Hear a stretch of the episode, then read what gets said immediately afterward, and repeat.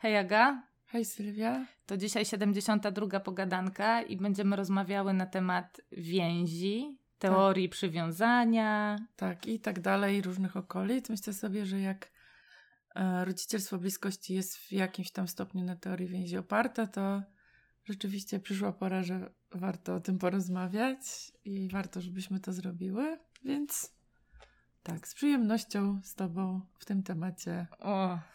Bo jakoś poukładamy sobie, co, co wiadomo. Mhm. To Aga, w ogóle może zdefiniujmy temat, to, to jest ta, ta więź. Więź to jest taki szczególny rodzaj relacji, która trwa dłużej, bo na zbudowanie się więzi potrzeba czasu. E, I to jest taka relacja, w której albo jedna osoba od drugiej, albo obie osoby od siebie nawzajem dostają bliskość, poczucie bezpieczeństwa, wsparcie emocjonalne, dostępność emocjonalną, możliwość koregulacji. Oczywiście jest tak, że to, co ja mówię o tym, co ci te osoby dostają, no to to różnie działa, raz, raz jakoś sprawniej, raz mniej, ale generalnie ja bym powiedziała, że taka jest biologiczna funkcja więzi. Mhm. Nie? Czyli jakieś wspieranie takiego dobrostanu emocjonalnego i u małych dzieci albo u małych stworzonek, bo więź to jest coś, co u ssaków występuje wszystkich i u ptaków. Hmm. U małych stworzonek i u małych dzieci więź też wspiera takie bezpieczeństwo fizyczne, bo związana jest z taką tendencją tych małych dzieci dzieci do trzymania się blisko swoich opiekunów. Mhm. A jakie, jakie rzeczy na temat więzi są ważne, żeby wiedzieć, żeby to wspierało jakoś tak, nie wiem, w, w codziennym życiu? Wiesz co, ja mam ochotę powiedzieć, że to jest, warto wiedzieć, że więź jest skomplikowana, Aha. ponieważ w tej chwili jest tak, że to jest popularny temat i mam wrażenie, że traktuje się ten temat więzi trochę czasami jak taką psychozabawę, czyli jest taki kawałek teorii więzi, czyli takiej no, bardzo dużej dziedziny wiedzy, która zajmuje się tym, jak ta więź działa. Jest taki kawałek teorii więzi o tak zwanych stylach przywiązania i mam trochę wrażenie, że taki wątek tych stylów przywiązania, czyli tego, jaki kto ma ten styl, jak to rozpoznać i w ogóle co to znaczy, trochę mam jakoś zdominował tą rozmowę mm -hmm. o więzi. Więc właśnie to, co pierwsze mi przychodzi do głowy, to powiedzieć, że to jest dużo szerszy temat i dużo bogatszy i dużo bardziej skomplikowany. Aha. To o czym jeszcze byś powiedziała oprócz tych stylów przywiązania, do których pewnie wrócimy tutaj gadając dzisiaj? Wiesz co, w ogóle bym zaczęła od tego, że wszyscy mamy jakieś potrzeby związane z więzią, wszyscy mamy taki naturalny potencjał do tworzenia więzi. Wszyscy mamy takie mechanizmy, które są związane z sięganiem po wsparcie i pomoc do innych, wtedy, kiedy jest nam trudno. I w momencie, kiedy sięgamy po tą pomoc i wsparcie do różnych bliskich osób, to uczymy się, gdzie tą pomoc i wsparcie możemy dostać i w jaki sposób. Mhm. I potem korzystamy z tego, co się uczymy. A jak y, sięgamy po tą pomoc i wsparcie i trudno jest nam je dostać, no to uczymy się sobie z tym radzić, że jest trudno. Aha. Czyli jakoś rozmawiamy o takim no, skomplikowanym mechanizmie regulacyjnym, który funkcjonuje w naszym życiu i powiedziałabym, że ma większy lub mniejszy wpływ na prawie, że każdą albo praktycznie każdą dziedzinę naszego życia, bo takie badania dotyczące więzi i działania więzi u dorosłych ludzi jest taka książka, nazywa się Attachment in Adulthood, czyli więź w dorosłym życiu, w mhm. dorosłości. Mhm. I autorzy tej książki opisują naprawdę bardzo przeróżne dziedziny życia związane z, z tym, jak więź działa i przejawia się w naszym życiu. Jest rozdział o seksualności, jest rozdział o biznesie i organizacjach i grupach, jest rozdział o relacji z Bogiem. Mm-hmm. Jest rozdział, y, mam wrażenie, o relacji ze sobą i swoim mm-hmm. ciałem. Tak, czyli każdy prawie, że kawałek naszego życia, gdzieś ta dynamika więzi w jakiś sposób ma, ma tam jakiś wpływ. Swój wpływ, mm-hmm. tak. Okej, okay, a powiedziałaś o takim jednym, mm, nie wiem, powiedziałabym, że micie związanym z więzią, czyli że to jest tylko jakoś, e, że się skupiamy na tych stylach przywiązania, a co jeszcze byś dorzuciła do takich, nie wiem, mitów właśnie związanych z, z więzią? Myślę sobie w ogóle, że jakoś chciałabym pójść dalej od tego kawałka o tych stylach przywiązania, że widzę, że bardzo jest łatwo nam wpadać w taki kawałek rozumienia tych stylów przywiązania jako cechy jakiejś przynależącej danej osobie. Aha. W taki trochę sposób, jakby to był jakaś część tożsamości, tak? Ja mam więź bezpieczną, ja mam więź unikającą, nie? Aha, że to się taka jakaś stałość jakaś robi z tego, tak, taka jakaś etykieta. etykieta. Mhm. Więc ja sobie myślę, że to dużo bardziej jest pewien proces, że tak jak żeśmy gadały, te zachowania przywiązaniowe, czyli te zachowania, które są związane z jakoś szukaniem, wiesz, takiego wsparcia i ukojenia, nie? Mhm. Z szukaniem y, osób, z którymi jest nam blisko, z podtrzymywaniem relacji, z radzeniem sobie z tym, kiedy te osoby, które nam są jakoś bliskie, są niedostępne. Mhm. To, to jest tak, że jest jakiś duży zakres możliwości tego, jak my możemy reagować. Mhm. I te style przywiązania jakoś bardziej dla mnie opisują to, jaką mamy łatwość dostępu do tych różnych opcji, Aha. niż to, która jakoś w wiesz, ogóle jest dostępna. Tak, że to są jakieś trzy mm -hmm. osobne ścieżki i po prostu każdy idzie jakąś inną. Mm -hmm. Jest jeszcze czwarta, tak? Zdezorganizowana. I mm, ja myślę, że jakoś za chwilę powiemy -hmm. w ogóle o tych y, tak stylach czterech, bo jakoś to mm, myślę sobie, że, że powiemy. Ja sobie myślę, że to dużo bardziej jest tak, że my wszyscy po prostu mamy te różne strategie właśnie z, z tego, Przywiąza- tak? związane z tymi tak. różnymi stylami, że my wszyscy mhm. mamy do nich dostęp, że zależy, są różne czynniki, o których wiemy, które wpływają na to, których z tych strategii częściej używamy.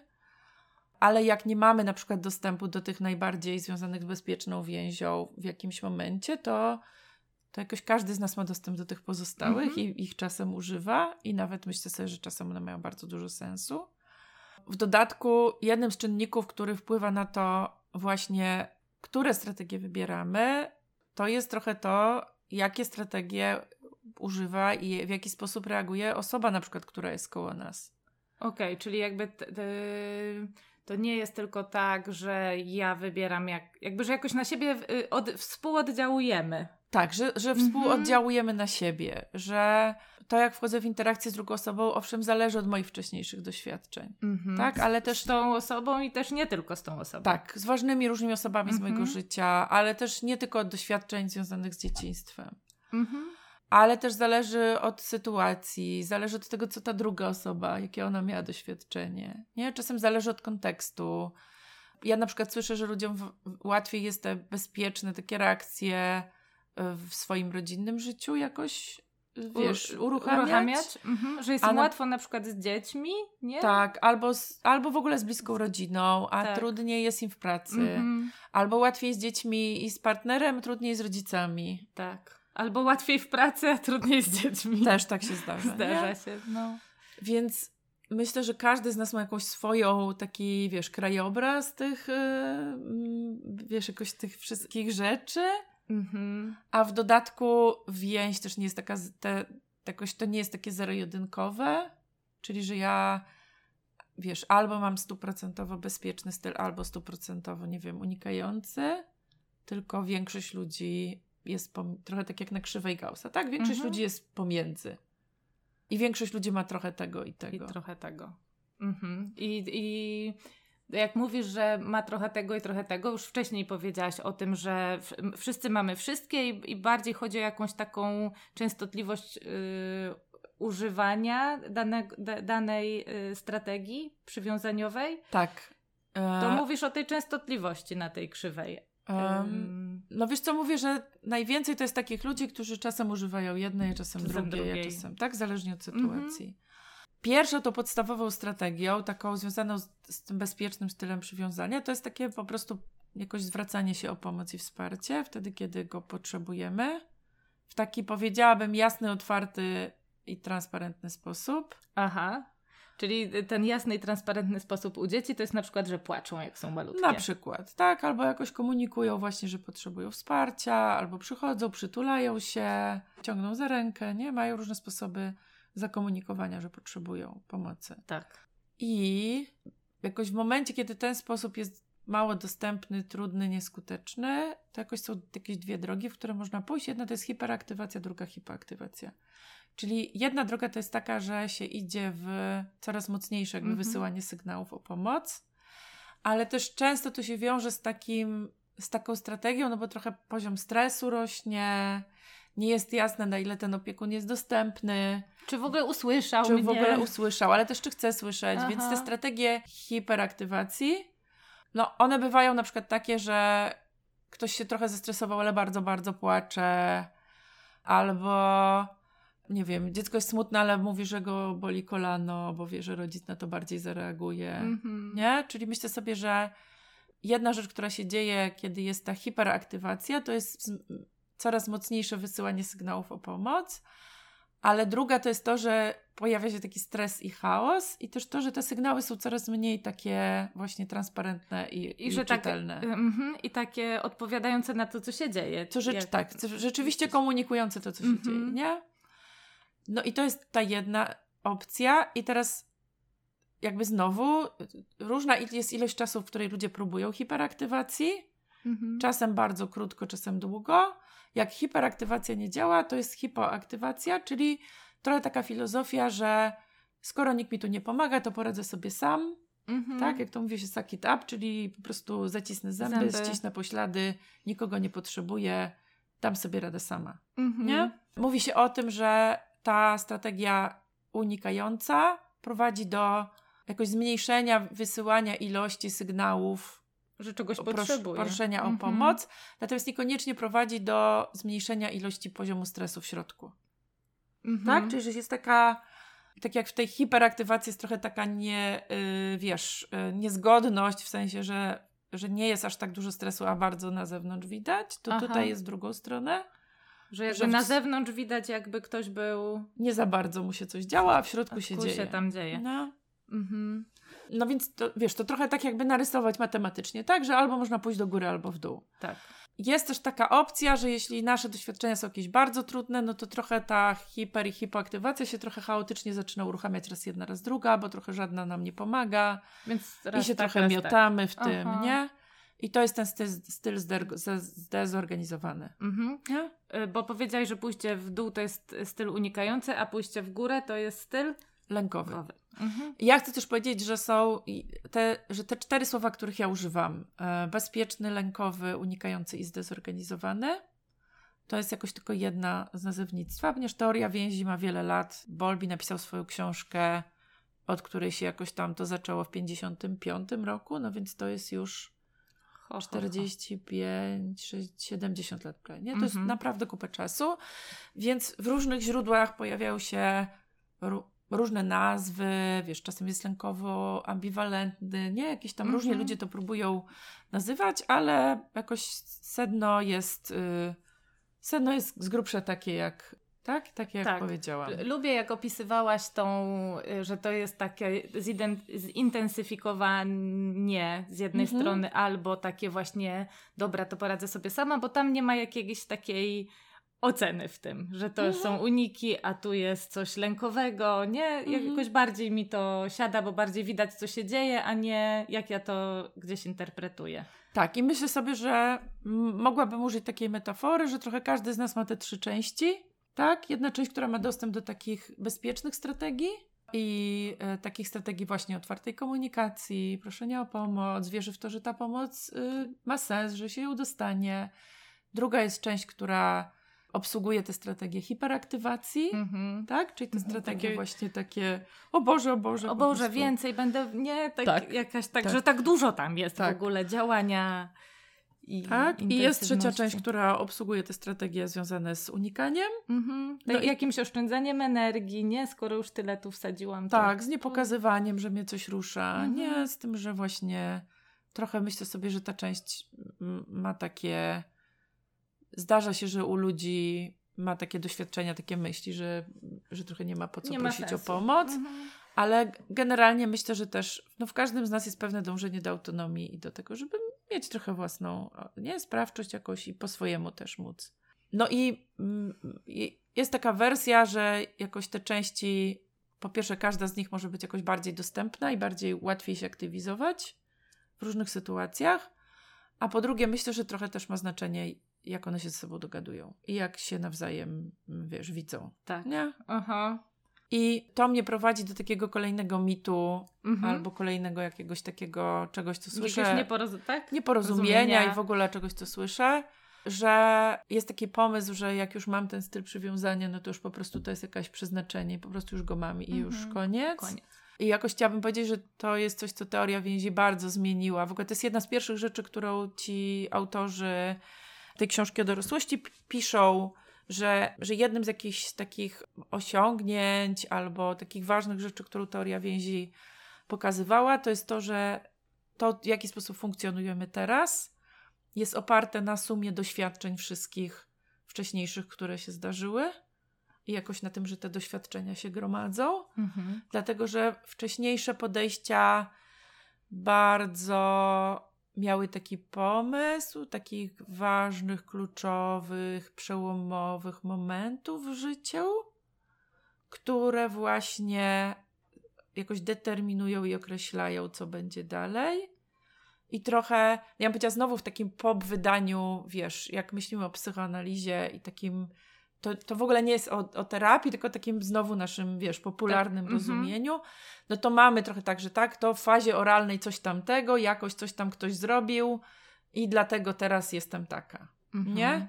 No to jakoś to jest to myślenie, z którym jakoś teoria więzi bardzo chciała dyskutować mm -hmm. i właśnie mówić o tym, że no mamy jakieś doświadczenia z dzieciństwa, które budują więź. Dziecko, ponieważ jakoś zbudowanie więzi tak od zera mówi się, że tak z grubsza ze dwa lata trwa. Aha. Więc jak dziecko ma te ze dwa lata, to już tą więź jakąś ma zbudowaną. Są takie narzędzia, które określają y, styl przywiązania u dziecka w relacji z konkretnym opiekunem w okolicy pierwszego roku życia. Aha. Ale jest też dużo badań, no są to no nie, nie badania z ostatniego, wiesz, nie wiem, roku czy trzech, tylko dużo, dużo jest ich e, od dawna. Dużo badań, które pokazują na tym, jak ten styl przywiązania się zmienia i modyfikuje. I powiedziałabym, że najczęściej się zmienia w kierunku tej więzi bezpiecznej. Że, że jakoś takie gromadzimy różne doświadczenia? Albo tak, które nam pomagają, pomagają. i ułatwiają korzystanie z tej y, opcji jakoś dostawania wsparcia. Mhm. Że ludzie mają tendencję, wiesz, żeby zauważać te miejsca, gdzie się dzieje to, co im służy i wspiera, Aha.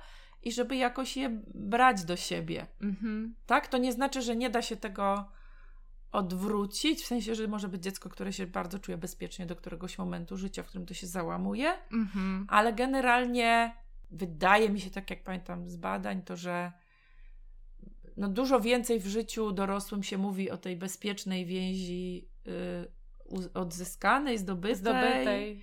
Tak? Nie słyszałam, żeby ktoś mówił o lękowej więzi zdobytej. Aha, że... W sensie, mm, to też jest ciekawe, nie? Czy, mhm. czy w ogóle był taki że ktoś ma na przykład, nie wiem, przez 20 lat. Wypracowane, nie, tak. że tak, że jest dużo o wypracowanej, no bo pewnie się też tym, bo, bo, pewnie też się po prostu tym interesujemy, nie? Jak pewnie się tym interesujemy, ale no, że jest coś takiego w nas, co jakoś rozpoznaje jakość tego wsparcia i yy, wiesz, i regulacji i, i, jakoś dąży do tego. I chce tego, wie- chce tego więcej. więcej. Tak. Mm-hmm. No dobra, nie? Więc jakoś bardzo chcę powiedzieć, że tam jest bardzo duży kawałek o tym, że to się buduje całe życie i że my się całe życie uczymy. To mi się z tą neuroplastycznością tak, bardzo tak, tak. nie łączy. I chcę powiedzieć, że też nie tylko się uczymy w takim sensie, że ludzie się świadomie, no nie wiem, przez -hmm. terapia jest takim miejscem, gdzie się można tego uczyć, nie? Czy jakaś praca Że w ogóle bycie znowu w relacjach i doświad zbieranie różnych doświadczeń. Tak, doświadczanie ludzi, którzy potrafią jakoś z tej swojej części bezpiecznej, nie? Jakoś działać, -hmm. doświadczanie takich relacji, w których jest dostępność emocjonalna, bliskość, Bycie widzianym, bycie, słyszanym, tak, nie? Tak, buduje buduje to, że jakby trochę w tym, w tym jakieś, w tej dynamice tego, jakie mamy strategie, przesuwamy się w kierunku tych bezpiecznych mhm. strategii. Mhm. I że widzimy, że częściej możemy z nich korzystać. Pamiętam taki kawałek, jak czytałam o więzi, yy, szczególnie takie yy, coś, co było dla mnie ciekawe, to, że każda z tych, z tych miejsc, nie, tych Aha. y, hiperaktywacji czy hy, hy, Hipo- hipoaktywacji, to, że ona ma tam jakieś takie swoje skarby i zasoby. Tak, no bo to generalnie są takie strategie, no jakoś to się wydaje logiczne, że jak coś próbujesz robić i jakoś nie dostajesz tego, co byś chciała, no to możesz albo z, trochę zidenty- zi- zintensyfikować Zintensyfikować. swoje działania, zobaczyć, czy da się coś robić więcej, albo możesz odpuścić i spróbować inaczej, że to jakoś się wydaje być prosto, wiesz, y, jakieś do ogarnięcia. A w dodatku, no jakoś rozumiem, że to jest też tak, że gdzieś jest w tym taki aspekt dążenia do przynależności i bliskości, i jest taki aspekt dążenia do autonomii i e, jakiejś takiej jasności swoich granic. Mhm. I wydaje się, że stosunkowo najkorzystniejszą strategią jest to, żeby mieć jeden aspekt i drugi jakoś ze sobą, Żeby jedno z drugim się nie wykluczało ale też nie kłóciło. i nie kłóciło. Nie? Okej. Mhm. Tak? Czyli żeby, że ja, żebym ja miała i możliwość bycia autonomiczną jednostką z własnymi granicami i możliwość doświadczania bliskości e, i wsparcia emocjonalnego. Ja mam takie wyobrażenie, że jest taka możliwość, że jedno wspiera drugie, Mhm. czyli że im jaśniejsza jestem w swojej autonomii i odrębności, tym łatwiej jest mi o bliskość. Mhm. Natomiast no, jest, też taka, jest też taki kawałek badań międzykulturowych, który mówi, że w różnych kulturach różne rodzaje tych reakcji przywiązaniowych są preferowane przez daną kulturę. Kulturę. Wow. Więc pytanie jest, no to jest zawsze ten problem, że my zaczynamy od badania kultury zachodnioeuropejskiej, chociaż badania nad przywiązaniem, które były przez Mary Ainsworth robione nad relacją matki z malutkim dzieckiem, to były badania, które były robione w Ugandzie. Czyli w Afryce, czyli Mhm. nie w zachodniej Europie. Ale powiedzmy rzeczywiście większość to jest jakaś taka nasza zachodnioeuropejska perspektywa, bo nawet jak one były robione w jakimś innym miejscu świata albo opierały się na badaniach y, na rezusach, Mhm, takich czyli takich małpkach. Har, Har, Harego Harlowa i jego żony moim zdaniem, która to jest też trochę powiedziałabym, że ona mniej jest znana z imienia niż to, to jest, nie? Mhm. No i mm, że dalej te badania robili mm, przypuszczam, że Brytyjczycy, Amerykanie w większości. Mhm. Nie? No dobra, i teraz, że są kultury, w których wydaje się, że inny styl przywiązania jest tym powszech, najbardziej powszechnym i preferowanych i pytanie, jak wtedy tam jest z tą, wiesz, przystosowawczością tych różnych Mhm. i co, jak tak, jaka tam dynamika działa? Mhm. Że są Nie? takie kultury, gdzie bardziej ten by, by, mm, taki kolektywizm, bycie takie jakby Tak. grupa, nie? Tak? A są też takie bardziej y, kultury indywidualne. Tak, i takie w tych się nie pokazuje za dużo emocji, nie? Mhm. I tam nie... No, No, trochę nie wiemy, jak to działa, więc chcę powiedzieć, że to jest też tak, Ale że... że to jest jakaś taka intersekcja z tą, nie, że jakiś taki punkt przecięcia, że i Tak. styl przywiązania i to, w jakiej kulturze jesteśmy, może sprawiać, że jakiś, któryś ze stylów jest bardziej preferowany, więc jest bardziej jakoś używany też. Tak, ma też w tym trochę jakiś, bo bardzo długo się mówiło też w teorii więzi i o teorii więzi w taki sposób. I ja też się spotkałam z takimi, wiesz, jak już ileś tam razy, iluś rzeczy słuchałam, czytałam, szkoliłam się i tak dalej, to yy, zdarza mi się spotykać, to też jest pewnie kolejny mit, z takim przekonaniem, że ten styl przywiązania zależy tylko i wyłącznie od działania rodziców Mhm. czyli od oddziaływania innych dorosłych na dziecko. Więc jakoś mam wrażenie, że wiedza na ten moment jest taka, że jednak jest pewien czynnik związany z indywidualnością i temperamentem dziecka, Mhm. czyli że nawet przy stosunkowo takim samym oddziaływaniu rodziców, jakoś interakcja ze strony dziecka, to jak ono reaguje na różne działania rodziców, jak na nie odpowiada, no ma wpływ na to, jak ten styl przywiązania się kształtuje. Okej, Nie? czyli ten temperament, to co mnie wspiera, jak, jak się dzieje trudno, to do czego, to nie tylko na bazie tego, tych po, przeszłych doświadczeń wybieram, jak, yy, z jakąś trudnością po, postaram się sobie poradzić, ale też to, ja, ja, ja, jaki mam temperament, ja, jakim jestem nie wiem jak to powiedzieć, jakim jestem człowiekiem. No do czego mi, czy mnie bardziej wspiera to, że sobie pójdę, nie wiem, znajdę jakieś ciche miejsce i tam pobędę, jak mi trudno. Nie, niektórzy mają tak, nie gadaj do mnie. Tak, nie? nie? To trochę, bo, y, bo myślę sobie, że ja teraz mówię o takim momencie, jak to się kształtuje, czyli o dzieciach. Mhm. I myślę sobie o takiej sytuacji, kiedy mówimy, że e, ten bezpieczny styl przywiązania jest kształtowany przez, y, czyli jakby ten duży dostęp do tych Mhm. bezpiecznych strategii, jest kształtowany przez takie spójne, uważne, troskliwe reagowanie rodzica na komunikaty dziecka i potrzeby. Mhm. Ale są dzieci bardzo, bardzo wrażliwe, które tych komunikatów wysyłają dużo. Mhm.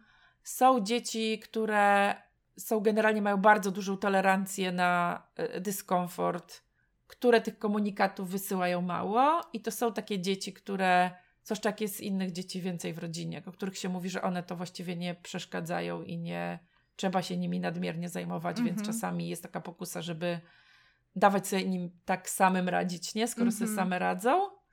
Myślę sobie, że są dzieci, które mają takie doświadczenia w dzieciństwie, że jakoś są w jakiejś trudności, w stresie e, takiej, że dorosłym jest jakoś trudno odczytywać te komunikaty. Trudno jest dorosłym rozkminić o co chodzi Aha. i na czym polega ta trudność dziecka. W związku z tym trudno jest im koić to cierpienie i stres, no bo trudno jest im rozkminić. Tra- tak, trafić, no. tak? Więc teraz mówię o takich rzeczach, no nie wiem, dziecko może mieć alergię. Tak. Coś go boli, my nie wiemy o co chodzi, a ono Mhm. płacze. Więc myślę sobie, że teraz mówimy o takich sytuacjach, które wpływają na kształtowanie się więzi, a które no niekoniecznie są związane tylko z tym, co robi rodzic. Mhm. Nie? Tylko też właśnie z, tą, z tym kawałkiem indywidualności dziecka. Jest też trochę tak, że kulturowo stereotypowa kobieta jest bardziej lękowa, a stereotypowy mężczyzna bardziej unikający. Aha, czyli że kobieta więcej tych sygnałów, Emocji, emocji tak. wysyła i a czy mnie kochasz i Tak, i a tu już a na bez ciebie nie pewno, mogę. Tak. Tak. a mężczyzna jest taki właśnie twardy, niedostępny, tam go nie rusza za bardzo. I ja mówię Mhm. bardzo, bardzo o stereotypie. Stereotypa. Mhm. Ja rozumiem, że jest bardzo dużo jakichś odstępstw od tego stereotypu, ale no trochę jesteśmy zanurzeni w takiej kulturze, która gdzieś taką narrację ma, Mhm. więc nie, więc to jest czynnik, który dodatkowo to, że jak malutkie dzieci płaczą, to nie wiem, czy wiesz, jak mówi się ludziom, że to płacze chłopiec, to mówią, że się złości. Jak się pyta, co się dzieje, Mhm. a jak to jest dziewczynka, to mówią, że jest jej smutno albo że coś ją boli. No, tak Czyli jak, ludzie różnie interpretują płacz malutkiego dziecka, identyczny płacz, w zależności od tego, jaką damy im informację na, na temat tego dziecka. Mhm. No. No. A No. z drugiej strony, jak ja patrzę na to, jak, jaki mamy dostęp do radzenia sobie z konfliktami i co jest, wiesz, takie mm, dopuszczalne albo takie uważane za, ja tu robię cudzysłowy palcami, normalne, to znowu y, jak, jak ktoś ma płeć, jest, jest mężczyzną, to jest mu łatwiej o, czy łatwiej, czy, czy jakby jest bardziej dopuszczalny, że ktoś właśnie krzyczy, wściek, jakby do złości jest mu Jest większy dostęp, jest większy tak? dostęp, a znowu kobiety mają być ciche, raczej unikać konfliktów, starać się, żeby konfliktów nie było, Mhm. czyli no, No nie jest to takie proste. nie jest to takie proste. Nie jest to takie proste. No.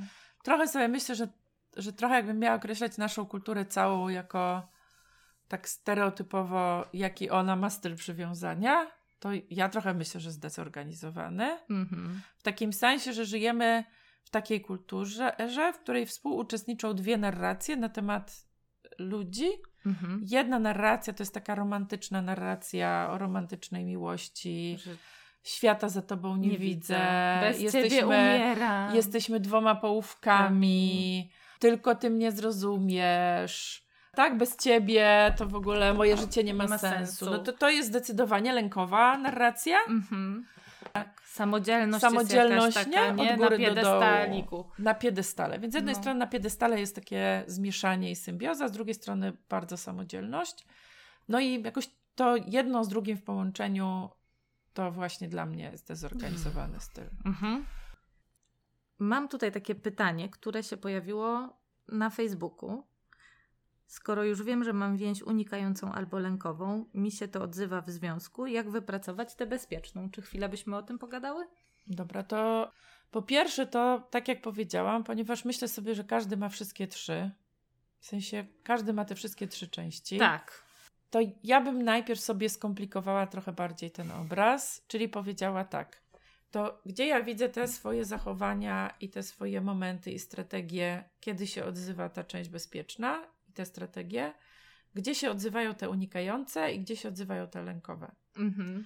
No i trochę rozumiem, że może się okazać, że niektórych z tych strategii będę musiała więcej poszukać. Więcej jakoś włożyć to wysiłku, żeby je Znaleźć. zauważyć i Mhm. znaleźć. Ale naprawdę wierzę w to, że każdy znajdzie. I to, i to, i to. nie? Mhm. E, no i teraz trochę e, jakoś te strategie, które zauważam z tego najczęstszego e, jakiegoś e, poziomu, to e, myślę sobie nad takim kombinowaniem trochę, e, nie wiem, jakbym zareagowała wtedy, gdybym miała tą strategię z jakiegoś tego innego miejsca, co by, tak, co by ta inna część w tej sytuacji Mhm. powiedziała, Chciała. albo co by ta inna część chciała zrobić. Jeżeli ktoś widzi w konkretne miejsca i konkretne zachowania w re- konkretnej relacji, w których to się przejawia i się wydarza, to jednak jest tak, że te style przywiązania, no bo to jest trochę o takich nawykach, wiesz, nawykowych Tak. sposobach reagowania. E, Styl przywiązania trochę służy i więź trochę służy do tego, żeby nam podpowiedzieć prosty sposób poradzenia sobie z jakąś swoją trudnością i wyzwaniem. I my nie jesteśmy, nie jesteśmy niewolnikami tej pierwszej odruchowej reakcji. Mhm. Tak? No. Ja bardzo lubię, jak Asia Michałowska, pamiętam ostatnio, żeśmy rozmawiały i mówi, że jak ludzie mówią, o, taka pierwsza myśl to mi się pojawiła taka. A ona Aha. mówi, a teraz poczekaj i zastanów się, jaka jest druga i trzecia. Mhm. Nie? Więc myślę, że jak pierwsza moja reakcja jest trzasnąć drzwiami i wyjść, Mhm. no to okej. Po pierwsze wiem, że to jest taka moja reakcja, która się właśnie odzywa i trochę ma związek z przywiązaniem. Więc myślę sobie, okej, to czy możemy na zimno jakoś pomyśleć o tym, po pierwsze, jaka może być ta druga i trzecia reakcja? Mhm. A po drugie, czy możemy w tej relacji, w tym związku rozmawiać o tym, że kiedy się odzywa ta reakcja, to ona nie jest o tej drugiej osobie, tylko o moim nawyku. Aha. Tak, że to nie jest o tobie, że jak nam się robi trudniej, to ja wstaję i wychodzę. Mhm. Tylko to jest o moim po prostu Jakimś sposobie. przyzwyczajeniu, czymś, czego się Tak, nauczyłam, czymś, co się jak nauczyłam. to, że mi działa. Tak. nie? I trochę sobie myślę o takim, nie? O takim, wiesz, zw- zwolnieniu, czyli, czyli wiesz, no widzimy, że jakoś na siebie działamy, uczymy się to zauważać, uczymy się rozumieć, Co się dzieje. co się dzieje, Mhm. e, uczymy się, jak widzimy tą drugą reakcję. No to może znowu moja pierwsza myśl jest, obraziła się, nie chce ze mną gadać, nie kocha mnie. Mhm. I mówię, okej, tak, oddychaj, pamiętasz, rozmawialiśmy o tym, że to jest właśnie to, to jest ten nawyk, więc poczekaj, zobacz, co się z tobą dzieje i zobacz, co, co jakoś, co chcesz o tym... Jakiś nawyk, który stara się zadbać o. Tak, tak, mnie, ale nie? też tak jakby ta osoba ma nawyk wstawania i wychodzenia, a ja mam nawyk myślenia, że mnie nie kocha. Mhm. Tak? Że wiesz, że w obie strony to działa, Tak. więc... I ja mogę sprawdzić, co robię ze swoim wstawaniem i wychodzeniem, bo może na przykład wyjdę, ale potem za chwilę wrócę, Mhm. Albo powiem, że potem o tym porozmawiamy. I ta druga osoba też może coś robić ze swoim nawykiem, w sensie, okej, pojawiła mi się ta myśl, że To znaczy, że mnie nie kochasz? tak, ale jakoś przychodzi mi tu do głowy takie pytanie, jak ja chcę o tym myśleć. Myśleć. Tak? Bo to nie jest tylko to, co, ja, co mi się myśli, czyli jakie mi się myśli Myśli automatycznie. automatycznie pojawiają. Bo to też jest jakiś nawyk myślenia. Tak, Mhm. nie? Czyli Mhm. nie tylko to, co mi się automatycznie odpala, Czy nie tylko automatyczne zachowanie, ale też jakiś automatyczny Tak. sposób myślenia o tym, co się dzieje. tylko jak ja bym chciała, żebym co miała w swojej możliwości wyboru. Mhm. No i trochę w tym nie chodzi o to, żeby y, skupić się na zabieraniu tego, co się dzieje i na tym, żeby to się nie myślało, Albo żeby się nie wychodziło. tak? No. Tylko na tym, żeby y, mieć tą możliwość właśnie zobaczenia tej drugiej, trzeciej, wiesz, Aha, myśli. jakoś dołożenia. Do- do- dołożenia czego dołożenia innego. czegoś jeszcze Mhm. innego, nie? Że tak jak mówiłaś o tym, że są te trzy możliwe zachowania, Mhm. jakieś nie sposoby poradzenia sobie, no to jakie te wszystkie trzy mogłyby być, Tak, nie? tak. Myślę to, teraz myślę bardzo o takiej komunikacji między ludzie, ludźmi w tej bliskiej relacji jakiejś i takim uczeniu się rozumienia tego, co się dzieje. Myślę o wybieraniu takich momentów na rozmawianie o tym, kiedy e, nie jest właśnie teraz, to się nie dzieje, nie jest trudno, tak? Jakimś umawianiem się na przykład, e, wiesz, to co zawsze się przydaje, tak? Czyli umówmy się, po czym poznamy, że jest już trudno, że potrzebujemy przerwy, że ktoś z nas już, już ma za mało zasobów na mhm. coś, nie? Nie wiem, porozmawiajmy o tym, jak interpretujemy różne sytuacje, bo możemy je zupełnie inaczej interpretować. Um, myślę sobie o takim, myślę sobie o tym, że czasami y, no, terapia jest rozwiązaniem, czyli po prostu, że czasami potrzebny jest profesjonalista, mhm. który uniesie te nasze nawyki tak, i z którymi będzie, z którym będzie można sobie porozkminiać też, tak. nie? Jak tu można by inaczej popróbować tego. Tak, i trochę wymyślać, jak można inaczej, trochę poćwiczyć, mhm. nie? Myślę sobie, że można sobie szukać takiego właśnie środowiska, w którym ludzie y, mają jakieś takie bogactwo reakcji i sposobów, wiesz, zachowania które jakoś pomaga nam właśnie mieć więcej tej elastyczności i mieć te inne strategie dostępne, które są mało dostępne. Mhm. No. Bo to jest jakoś też taki kawałek o tym, że mamy takie sytuacje, kiedy rozmawiamy o tym, że ta więź jest jakaś i korzystamy z tego, że ona jest i jak, jaka jest. A są takie sytuacje, kiedy właśnie myślimy, że jakoś coś mogłoby być inaczej i że chcielibyśmy, żeby było lepiej. Mhm. I trochę też to jest jeden z powodów, dla których ja nie wiem, czy ja koniecznie jestem fanką jakiegoś takiego diagnozowania sobie tego, jaką mamy więź. Dlatego, że jakoś jak, jak miałabym odpowiedzieć, co robić, żeby tą więź budować i nad nią pracować, no to trochę właśnie niezależnie od tego, jaki ten. E, wiesz, jaka, jaka, ta, jaka ta strategia, ilość jakieś, które są w naszej relacji, jaką mają przewagę, no to dalej to, co bym mówiła o tym, co trzeba robić, żeby tą więź budować, to by było słuchanie, kontakt ze sobą, dostępność emocjonalna. Nie te rzeczy, które są w tym modelu HARTS, o którym mówi Jessica Fern, o których mówiliśmy mm -hmm. na mhm. webinarze, nie? Czyli dostrojenie, obecność, ten delight, czyli taki zachwyt, zachwyt. z kontaktu, mm -hmm. radość, przyjemność z kontaktu z drugą osobą, jakoś radzenie sobie z konfliktami, tak. naprawianie relacji po, po konfliktach. Po tym, jak się skwasiło. Po tym, jak się skwasiło. Między nami. Jeszcze no. było coś jedno. Hy, I, sy, i sy. E, a. Chy to jest here, czyli że jestem, ta obecność. A ry?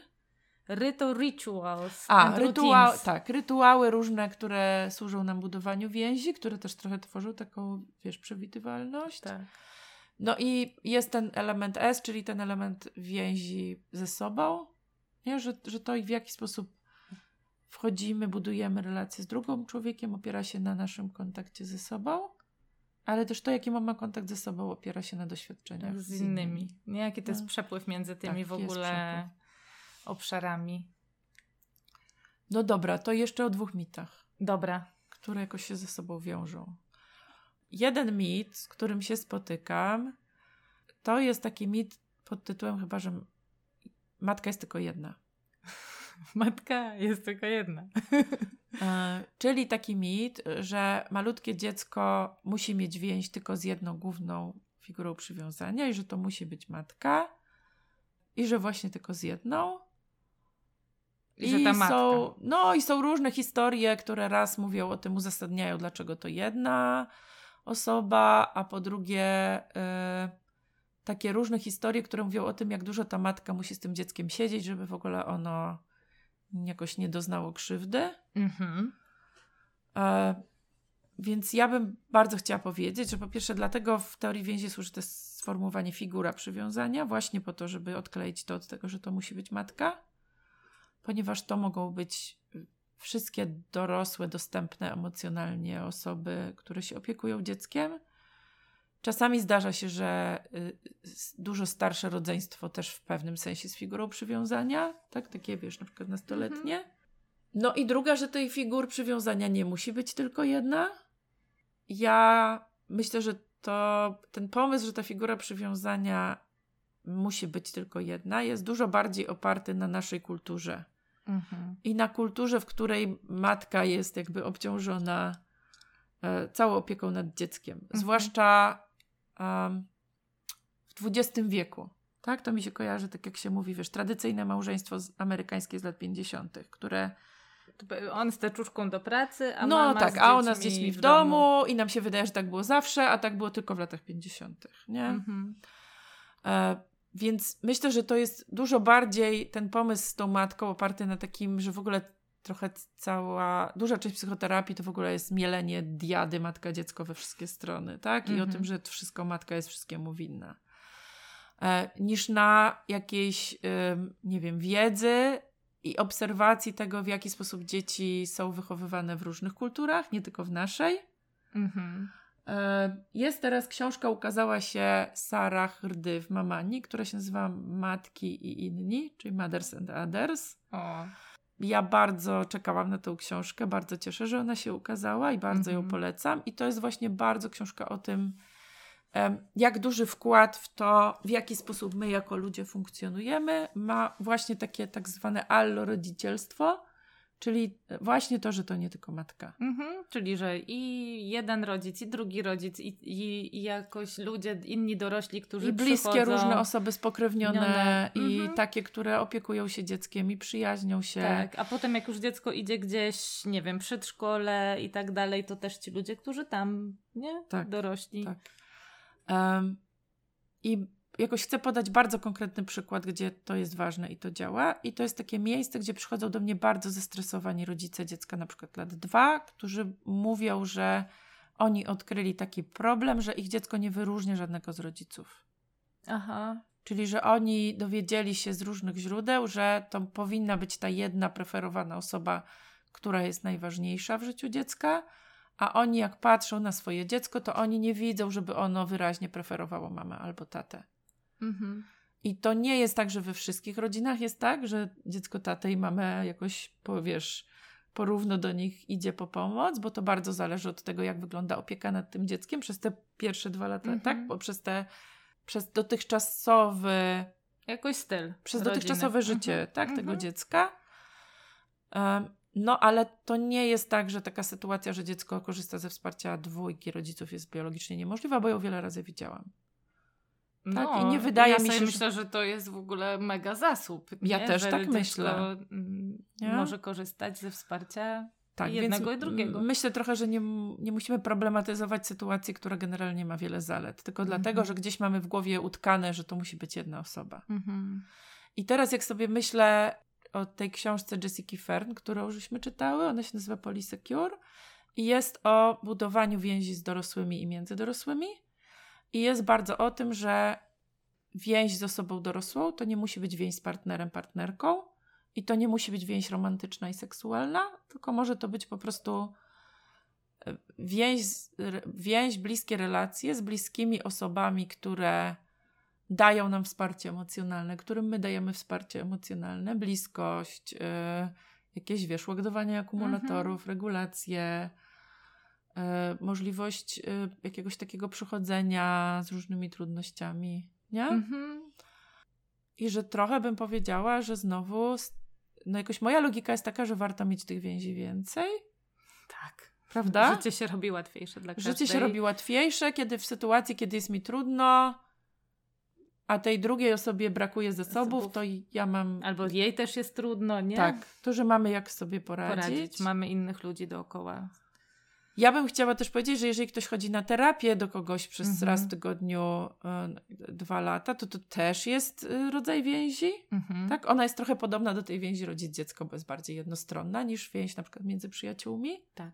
ale no to też jest rodzaj więzi, więc możemy mieć tych więzi więcej. Nie wiem ile, nie wiem ile maks, Aha. I- ale na pewno więcej Było niż jedno o tym, ile, ilu, ile, ilu przyjaciół jesteśmy w stanie mieć chyba, albo takich w ogóle ludzi, których jakoś pamiętamy z życia, ale teraz nie pamiętam, ile to było. Wiesz, to jest taka liczba Dunbara, która gdzieś No. wiesz, oscyluje w kierunku 150, Mhm. ale to na, myślę, że jakbym miała powiedzieć, ile można mieć więzi, to myślę, że mniej. Że mniej. Tak, jakbym miała tak kompletnie strzelać, to bym powiedziała ze 20. No ja myślałam o 15. No tak, Nie? tak, gdzieś tak coś jak, takiego. jak patrzę na swoją pojemność No. też na przykład. Do takiego, żeby i być dostępną dla kogoś, i żeby nie. Mm, no, bo to o to chodzi, tak? O taką w ogóle możliwość bycia dostępną emocjonalnie dla Tak, drugiej osoby. Tak.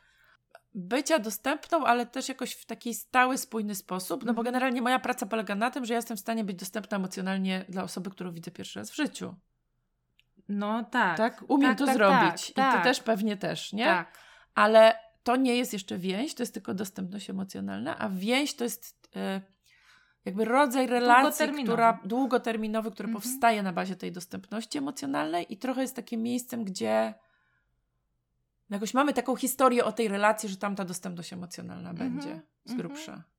Taka deklaracja też trochę, nie? Y, Nie wiem, czy jakoś Takie zaufanie. zaufanie. Mhm.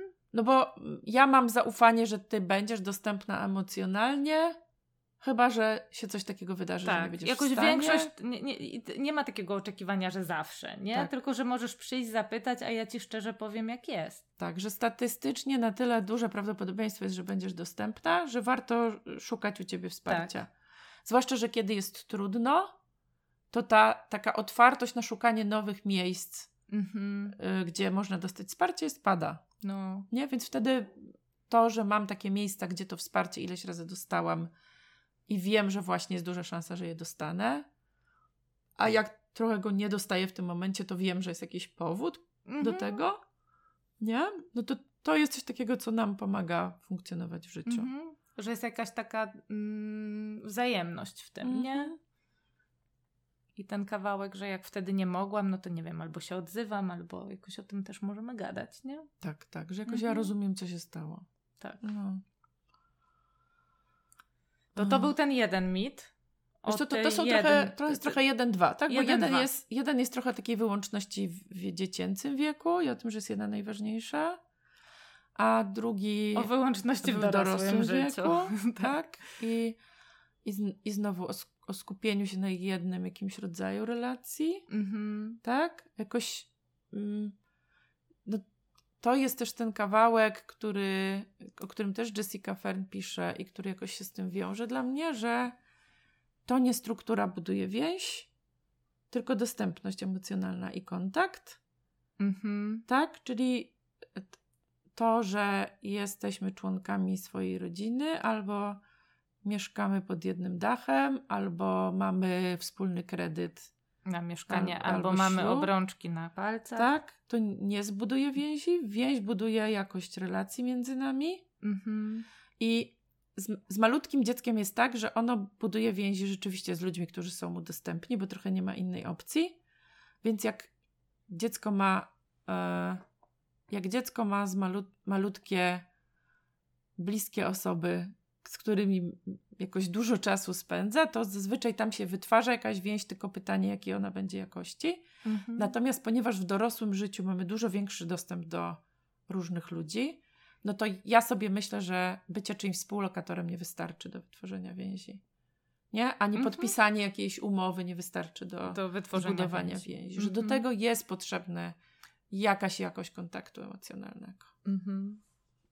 Chcę też powiedzieć, że to, co żeśmy powiedziały, to mm, może dużo, ale jakoś mam wrażenie, że to jest dopiero jakiś począteczek Mhm. i że to jest Tak. jakiś mały kawałeczek, nie?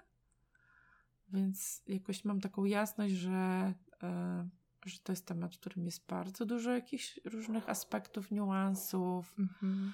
Że w, w teorii więzi jest na przykład taki ta, cały kawałek o takich behawioralnych systemach regulacyjnych, nie? O których rozmawiamy, o tym, jak się ta więź uruchamia, jak się, jak się wyłącza, kiedy się uruchamia, jak te systemy regulacyjne wpływają na siebie. No, że, że tam jest dużo, dużo różnych Mhm. warstw, takich, o których nawet nie będziemy w stanie tutaj em, o wszystkich powiedzieć. Mhm. Na webinarze gadałyśmy o więzi ze sobą, sobą. Mhm. więc jakiś cały webinar był o jeszcze innym aspekcie tej sytuacji. I też żeśmy, też można by... Je- jeszcze czy i jeszcze. Jeszcze, jeszcze. Mhm. No, ja mam wrażenie, że w ogóle y, te różne poprzednie odcinki, nawet pogadane, które nagrałyśmy, że mm, one też są o tym, jak nie wspierać budowanie takich bezpiecznych relacji, czyli bezpiecznych więzi i ze sobą, i z innymi, i jak jakoś dbać o dobrostan, bo wtedy łatwiej sięgnąć, mam wrażenie, y, po te strategie takie. Tak, że trochę jak rozmawiamy o tym, opowiadamy, dzielimy się, w jaki sposób widzimy świat i jak traktujemy siebie, innych ludzi, rzeczywistość, jak się komunikujemy, nie? No to te kawałki związane z bezpieczną więzią gdzieś cały czas się przeplatają, Mhm. nie? Że to nie jest tak, że ona gdzieś, że ten, ten temat więzi nie jest osobny, jakiś od wszystkich pozostałych, Mhm.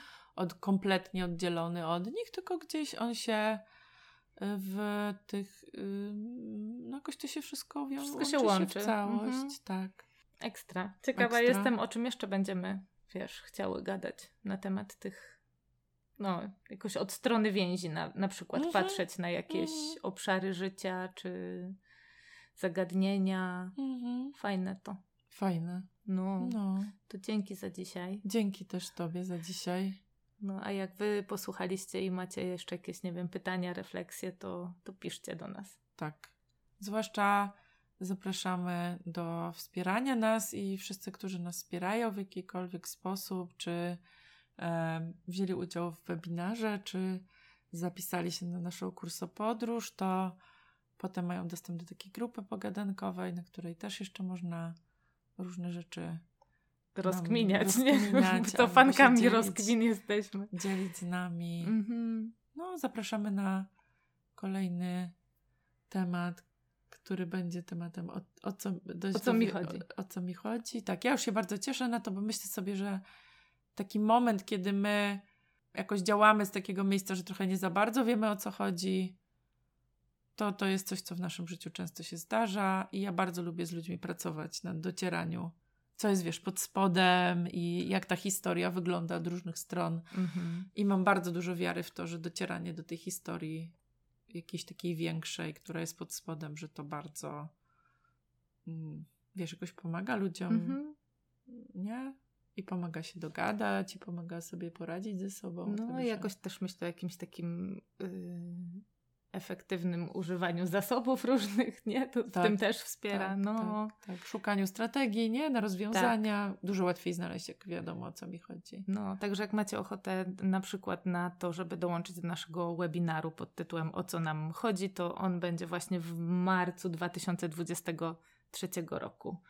E, W ostatni piątek miesiąca, bo To 31 jest ostatni piątek Bo to miesiąca, tak, bo to w, w różnym czasie możecie tego słuchać. A jak macie ochotę na lutowy webinar, to on był właśnie o tej mm, budowaniu bezpiecznej więzi i, i różne webinary albo możecie znaleźć na naszych stronach internetowych, albo jak do nas napiszecie, to Także jeśli Odpowiemy. macie taki pomysł, żeby się z nami nie rozstawać, to jest na to mnóstwo strategii.